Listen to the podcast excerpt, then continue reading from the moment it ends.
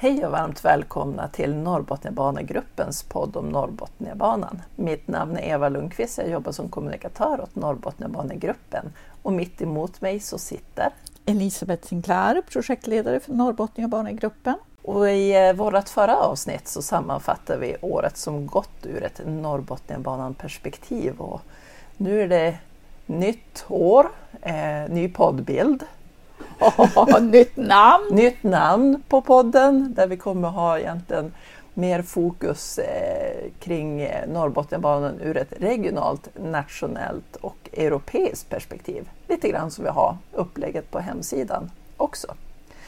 Och eh, ja, förra avsnittet då sammanfattar vi ju 2022. Nu har ju 2023 precis börjat, men vad händelserikt det har varit redan på den här korta tiden. Ja, en enorm rivstart får man väl säga. Ja, det kan man säga.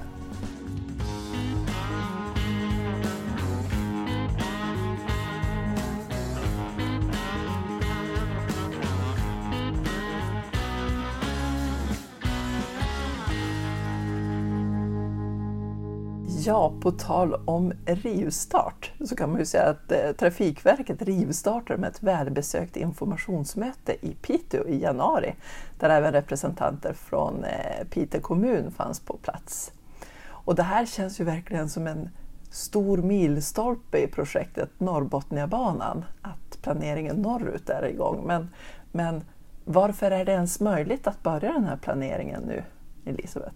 Det är ju för att eh, Norrbotniabanan i sin helhet mellan Umeå och Luleå finns med i den nationella infrastrukturplanen som beslutades förra året. Och då kan den både planeras och byggas. Annars hade det varit väldigt svårt.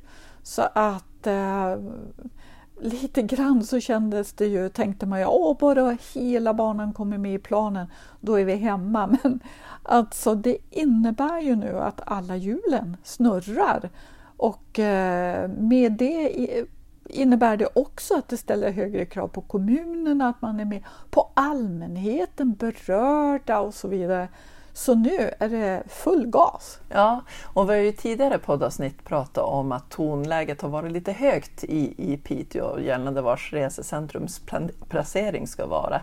Eh, och då har vi även nämnt det här med att, att ja, men den diskussionen har ju kommit lite grann före förutsättningarna fanns för Trafikverket att, att starta planeringen. Eh, men det var ju välbesökt det här informationsmötet som hölls i i januari? Ja, alltså jag tror att det var, var det 300 besökare, de hade tre sittningar. Man fick vara där och kika på materialet, för det Trafikverket gör nu det är att berätta om vad som är beslutat sedan tidigare. Och att det finns ju en korridor genom staden och i denna korridor så ska ju järnvägen eh, placeras mer exakt. Mm. Det känns ju verkligen som att det här var ett startskott för nu kommer det att efterföljas av, av samråd helt enkelt. Precis, för, för, för det man kan säga det är ju det att Norrbotniabanan handlar ju om Umeå och Luleå. Nu har det ju varit väldigt mycket fokus kanske på Umeå och Skellefteå. Men trafikstart 2030 vill jag bara trycka på som alla jobbar efter. Det blev ju lite skakigt här i direkt efter jul när det kom ett, ett, eh, tv-reportage där man sa ett annat eh, trafikstartumår. Eh, men det är så det kan bli intervjuer om, om man blir så att säga, liksom, ja men om vi tänker si och tänker vi så, ja då kan det bli lite, eh, lite någonting annat. Men alla jobbar för trafikstart i Umeå och Skellefteå 2030. Men som sagt, och jag tycker att det är eh, något som visar på vikten av hela banan, det är ju kommunalrå kommunalrådet Lorentz Burman i Skellefteå som säger att ja, men det är bra med trafikstart 2030 i Umeå och Skellefteå, men det handlar om hela banan. Så frågan är, när är vi i Luleå? Ja, och på tal om Luleå, där har de ju lite utmaning just det här med att det finns två järnvägskorridorer. En. Hur, hur kan det komma sig egentligen att det har blivit så? Ja, eh, det här är också ett tecken på hur viktigt det är att man får en genomgångslösning av staden. För det var ju så 2011 när man jobbade med ja, vilken, liksom en korridor genom Luleå. Då vill man ju komma in genom eh, österifrån för att komma igenom staden. Det ger bättre regional utveckling.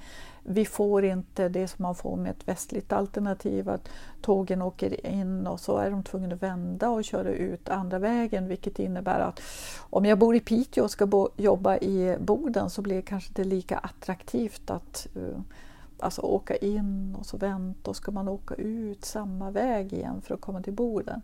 Men då är det ju så här att uh, Ja, de flesta vill ha en genomgångslösning, komma in från öster i Luleå, men man stöter på patrull då när det gäller sjöfarten som ibland vintertid måste in i Gråskällfjärden för att vända fartygen. Och eh, ett broläge där, skulle kanske ett fast broläge, skulle kunna hindra det.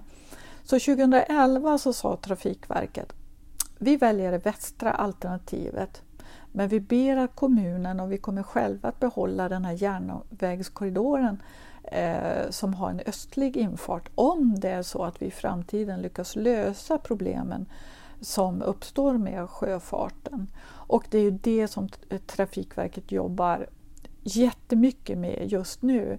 Kan vi med på något sätt en öppningsbar bro då komma in i Luleå. Och där är Trafikverket inte framme än.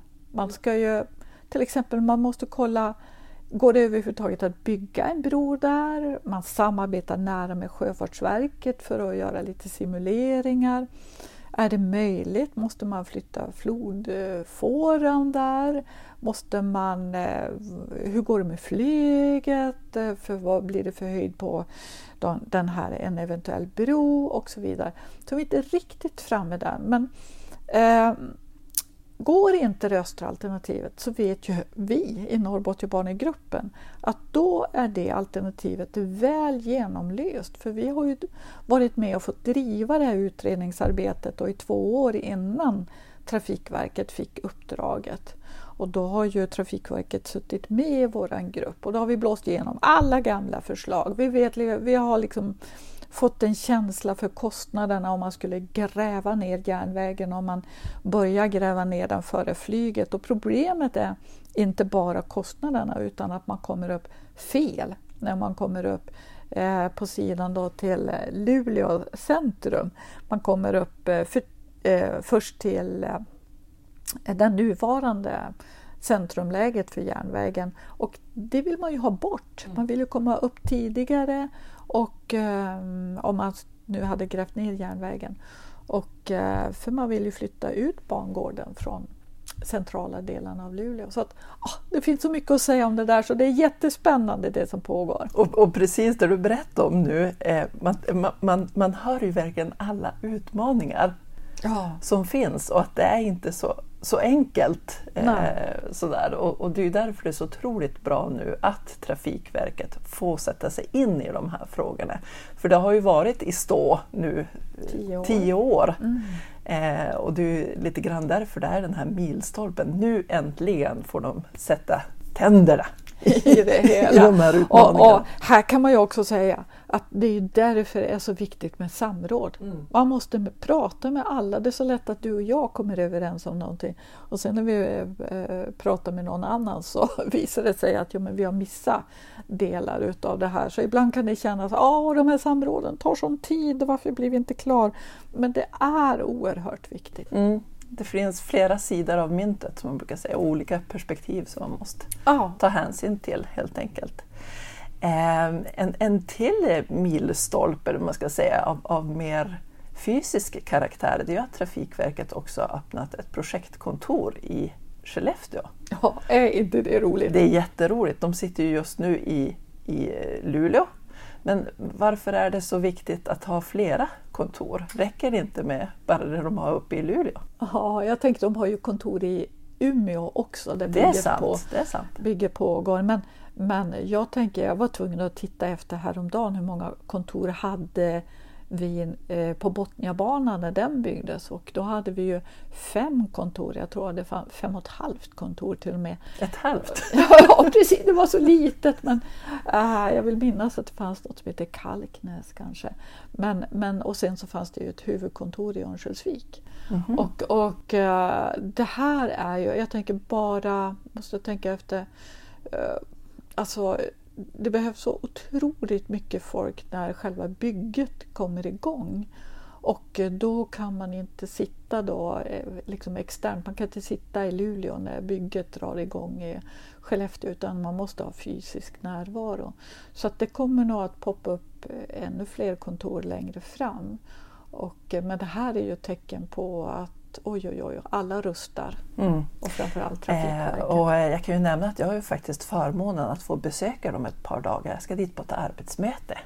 Oh, jag är lite eh, avundsjuk! ja. mm, och det där har ju att göra med att du jobbar faktiskt en viss del för Skellefteå kommun. Precis, också som kommunikatör.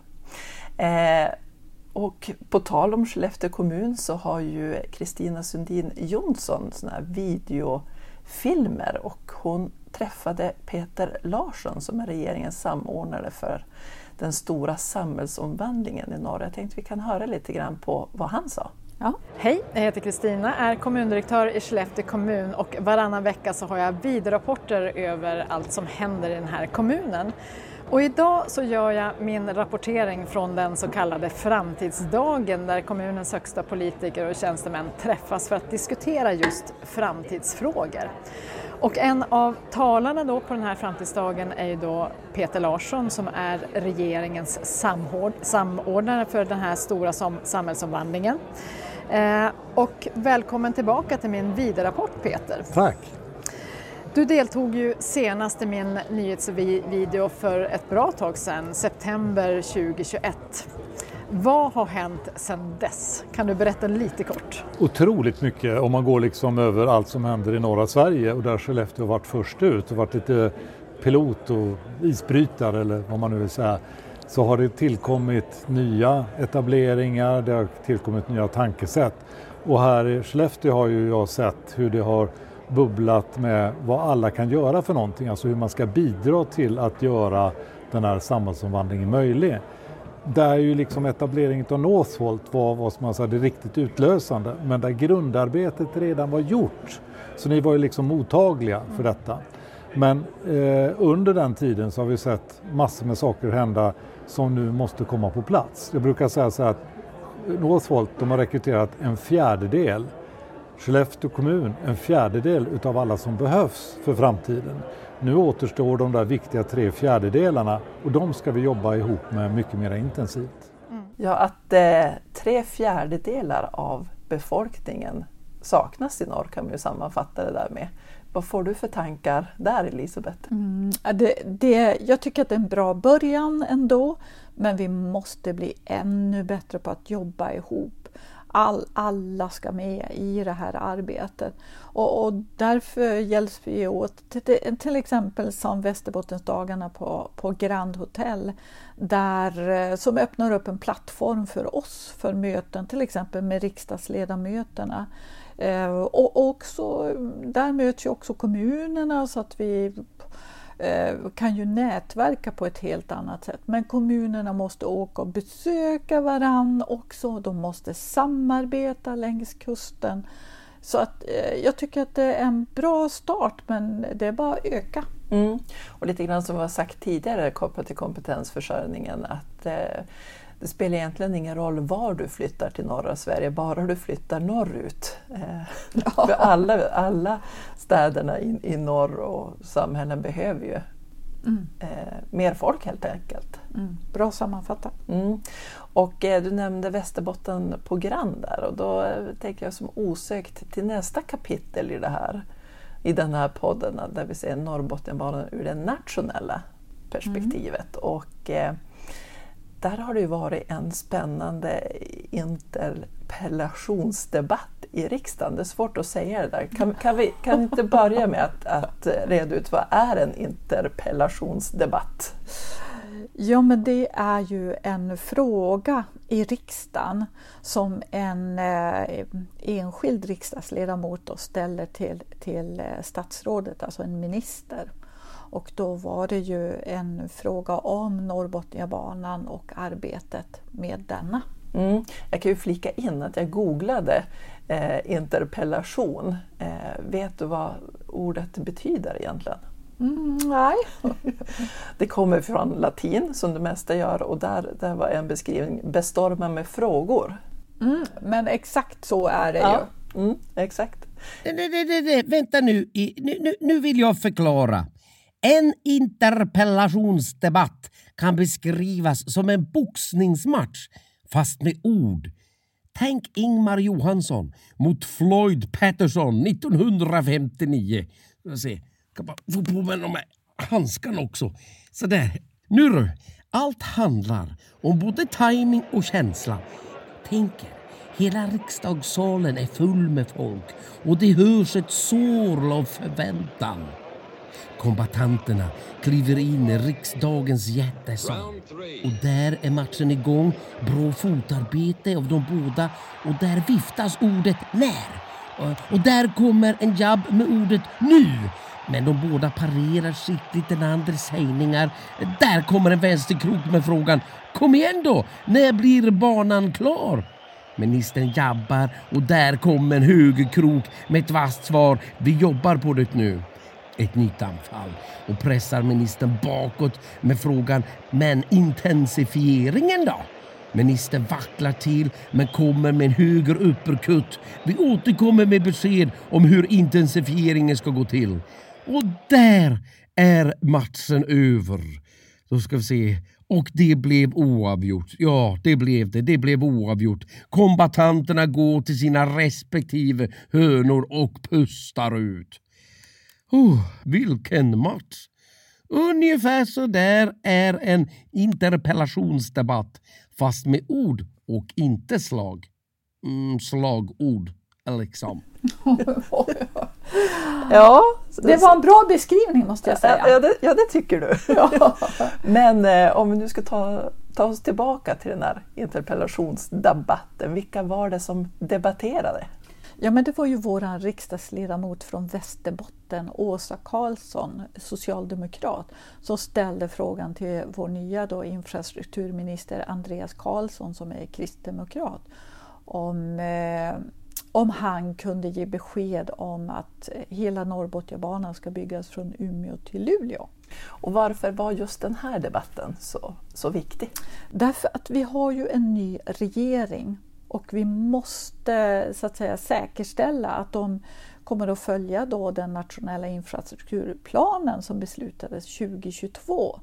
Och jag tycker att det var ett väldigt bra svar av Andreas. Vi kanske tar och lyssnar på det. Jag tror, eh, fru talman, att ledamöterna mycket väl vet hur det fungerar när eh, man planerar för stora infrastrukturprojekt inom ramen för nationell plan. Och det är väl troligtvis också en av anledningarna till att det tog fyra år för den tidigare regeringen att lyfta tillbaka Norrbotniabanan.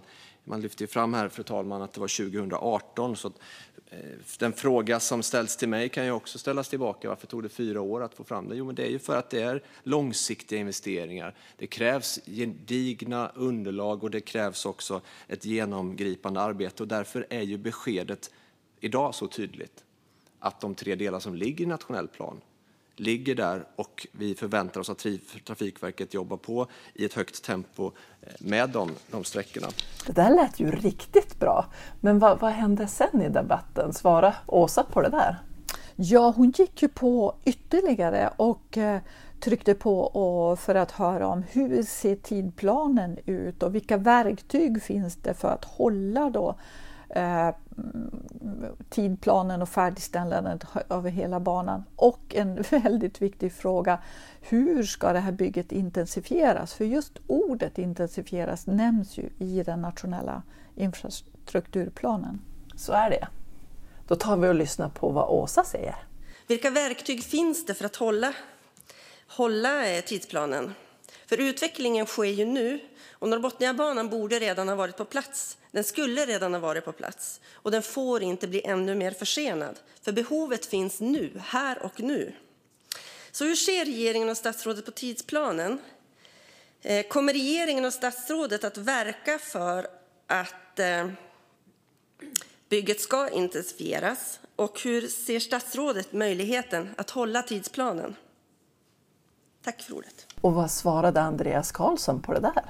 Ja, men vi tar och lyssnar. Eh, när det kommer till frågan om att intensifiera arbetet så är det ju som jag också sagt tidigare i debatten att det är sådant som vi kommer att återkomma till till riksdagen när vi ska arbeta med revideringen av den nationella planen. Eh, och i övrigt så har jag gett tydliga besked om de skrivningar som redan finns kring intensifiering av eh, planeringen och de sträckor som, som ligger i innevarande plan. Tack fru talman och tack för debatten. Vad har du för reflektioner kring det Andreas nyss sa, Elisabeth?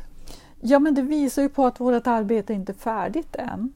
Mm, eh, nu var det lite fler saker som de diskuterade i det här, till exempel om överklagande och så vidare. Men just intensifiera, det är ju någonting som står i den nationella planen.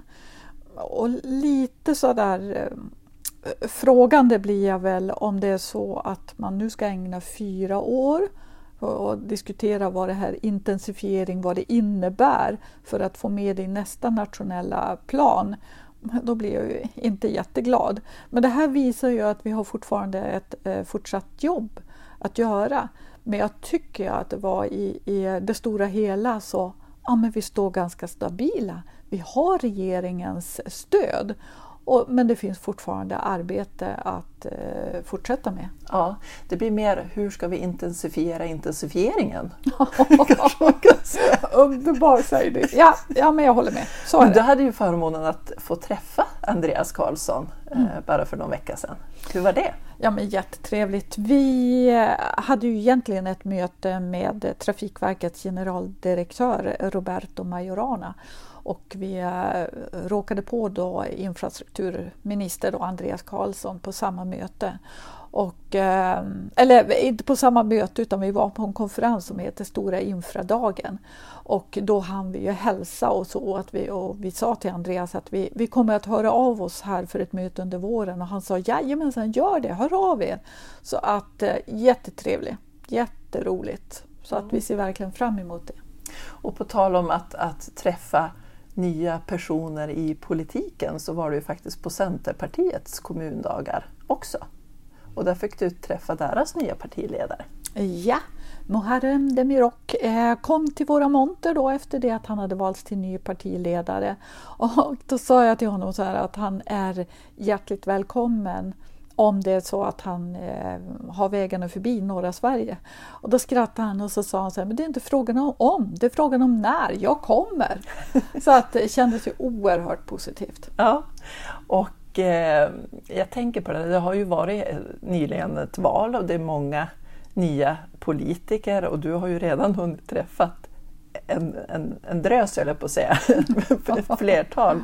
Ehm, men samtidigt så, så, så, märker man ju det här med, i och med att det händer så mycket i norra Sverige. Det är ju det är mer som händer än Norrbotniabanan eh, just nu och, och i och med att det är så många som är nya på banan att det finns rätt så bred okunskap om de satsningar som görs. Vad är dina tankar kring det och, och kopplat till det här samhällsutvecklingsprojektet som Norrbotniabanan är?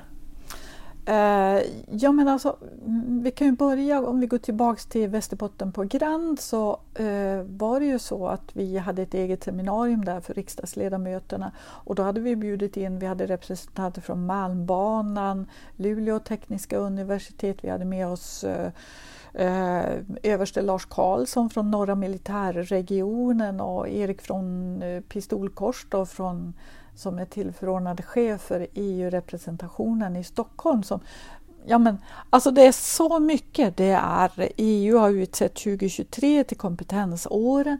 Vi har Ukraina som gör att, att vårt försvar håller på att byggas upp upp igen. Eh, Malmbanan har kapacitetsbrist. Eh, LTU är med och jobbar för kompetensförsörjningen. Skellefteå Kraft var med i det här seminariet för att prata om ja, hur klarar vi eh, elförsörjningen. Byggföretagen var med och gjorde en jättebra dragning om vad innebär det här för norra Sverige och deras verksamheter. Så att det var mycket sånt som vi pumpar de här riksdagsledamöterna med.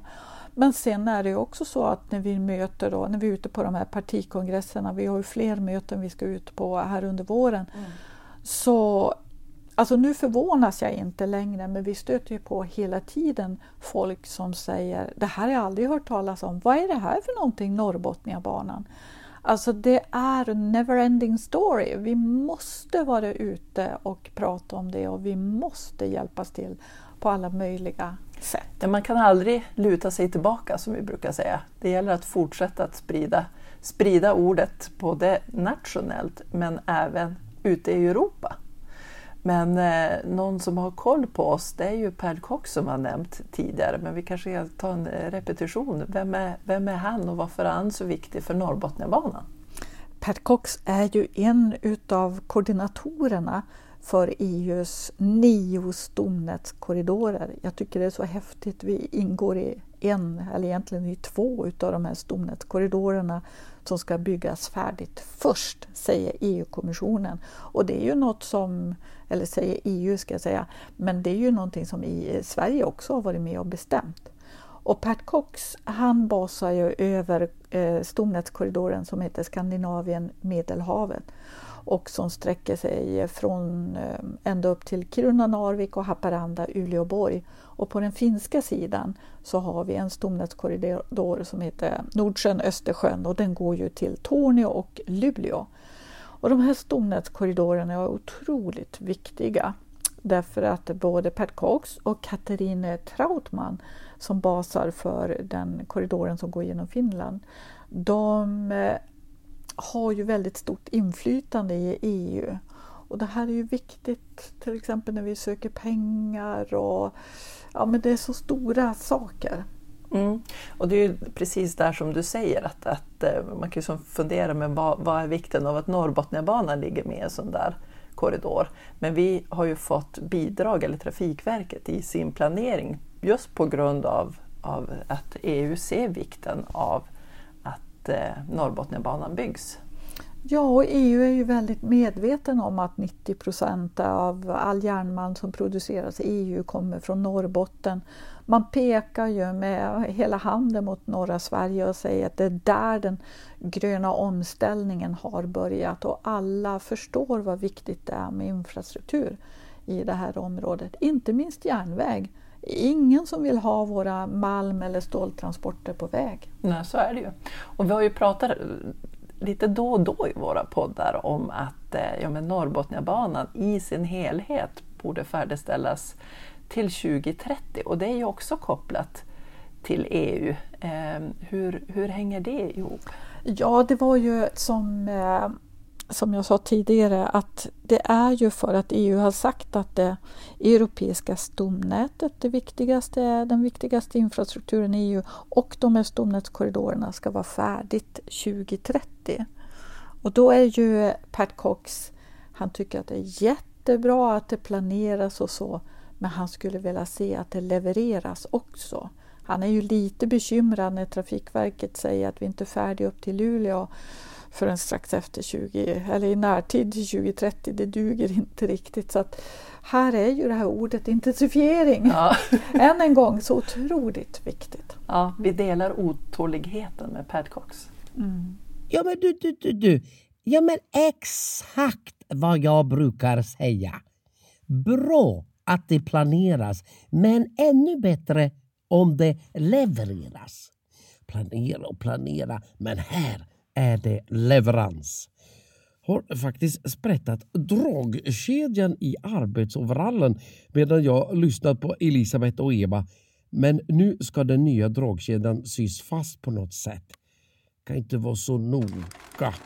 Mm. Ingen rast, ingen ro. För här är det leverans. Så där är ett stadigt tåg i overall och dragkedja och... Vad nu då? Oj, vad hårt den sitter. Nej, vad är det för ett fågelbo av trådar på baksidan? Planera och planera för att kunna leverera. Mm, det ligger något i det. Det får bli kardborreband igen ja. lite planering kan måste man ju, man ju behöva. Ja, man kan kanske inte bara köra igång. Det, ibland är det bra att läsa bruksanvisningar också innan man startar. Ja. Bara som en parentes. Leverera och inte haverera. Ja, ja det hör ju, det hör ju som ihop. Eh, men jag sitter och funderar på nu det här med, med att stomnäten ska stå klara till 2030. Det är ju väldigt tydligt målår. Ja. Och vi brukar ju prata om målår och med det menar vi ju men när kan Norrbottenbanan stå klar i sin helhet? Mm. Jag tycker vi har ju redan ett målår. Kan inte EU säga till regeringen att nu, nu får ni leverera? Mm. Ja, men spännande, det är helt rätt och riktig tanke för det är ju nu så att, att EU omarbetar ju sin vad kan vi säga, motsvarande nationella transportplan. I, I EU så kallas den för TNT. Och ett av de förslag eh, som de har lagt in det är ju att de eh, ska få eh, möjlighet att granska ländernas, medlemsstaternas utkast till sina egna nationella infrastrukturplaner och, och också att man vill att medlemsstaterna ska vara skyldiga att årligen rapportera om hur arbetet fortskrider. För då skulle vi ju få den här synkroniseringen om ja, men vad vi bestämmer i EU, där Sverige faktiskt är med och bestämmer en massa saker, och så kopplingen till ja, men när, när säger Trafikverket att det ska vara färdigt i Sverige. Då får vi en bättre synkronisering, men vi får se om de där förslagen ligger kvar. Ja, du säger förslag. Organisationerna Samarbetet Botniska korridoren och eh, North Sweden European Office i Bryssel har lämnat in synpunkter till den här omarbetningen. Hur, hur ser de här förslagen ut och hur går arbetet? Vet du något mer om det Elisabeth? Ja, men alltså, det här är ju ett omfattande arbete och det man pratar om nu det är tre viktiga saker. Det är urbana noder, det är hamnar och det är terminaler. Det här med urbana noder, alltså vad menas med det i det här sammanhanget?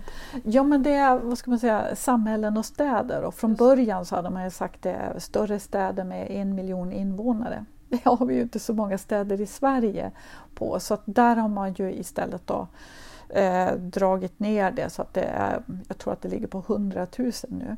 Men om vi säger så här att i den nuvarande planen så så finns det ju som ingenting nästan av det här norr om Stockholm förutom då att vi har en stomnätshamn i Luleå och så har vi eh, två hamnar då, Umeå och Sundsvall och Gävle som ingår i det övergripande nätet, det mer finmaskiga nätet. Men urbana noder fanns, finns ju inte norr om Stockholm idag och inte heller terminaler. Då har ju det här samarbetet då, som består av de sju nordligaste regionerna, Botniska korridoren, har skickat in då förslag tillsammans med North Sweden och eh, eh, på både förslag på noder och terminaler. Och det, det vi ser i, i, i, förslaget som det ser ut just nu så ser vi till exempel att vi har fått med terminaler i Luleå, Umeå, Sundsvall och Gävle. Och urbana noder, om jag ser rätt så är det ju eh, Umeå och Sundsvall och Gävle. Men det här arbetet fortsätter ju nu så att ja, jag vet inte inne om det är det som kallas för triloger. Det är ju när, när Europaparlamentet, eh, EU-kommissionen och ministerrådet de börjar prata tillsammans. Men det finns flera tillfällen eh, under det här arbetet att gå in med synpunkter så att det här kommer att fortsätta nu så får vi se sen hur det här förslaget landar och vi tror att det kanske blir färdigt kanske i slutet av det här året. Egentligen skulle det ha varit färdigt men på grund av attackerna mot Ukraina så har det dragit ut på tiden. Mm. Jag tänker det är ju väldigt många som, som jobbar med att sätta norra Sverige på kartan och här blir det på en fysisk karta för precis som du säger så fanns det ju ingenting norr om Stockholm mm. i den där tidigare planen mm. för för EU. Precis. Och det är ju inte så kanske jag tyckte tidigare, det är inte för att man bara, vad ska man säga, att man inte har varit intresserad utan man har varit tvungen att börja någonstans. Just det. Och eh, så att när man började med det här 2009 så fanns det bara små streck ute i Europa och sen bestämde man att man skulle knyta ihop huvudstäderna. Men då blev det också jättemycket fokus på huvudstäderna. Och sen, men sen efter det så har man ju tagit det här liksom hela EU-perspektivet. Och då ser det ju helt annorlunda ut. Men man ska inte tro att det sker av sig självt. Man måste vara med och eh, peka på eh, olika brister och lämna synpunkter och förstärka olika saker som sägs. Så det gäller att vara med. Mm.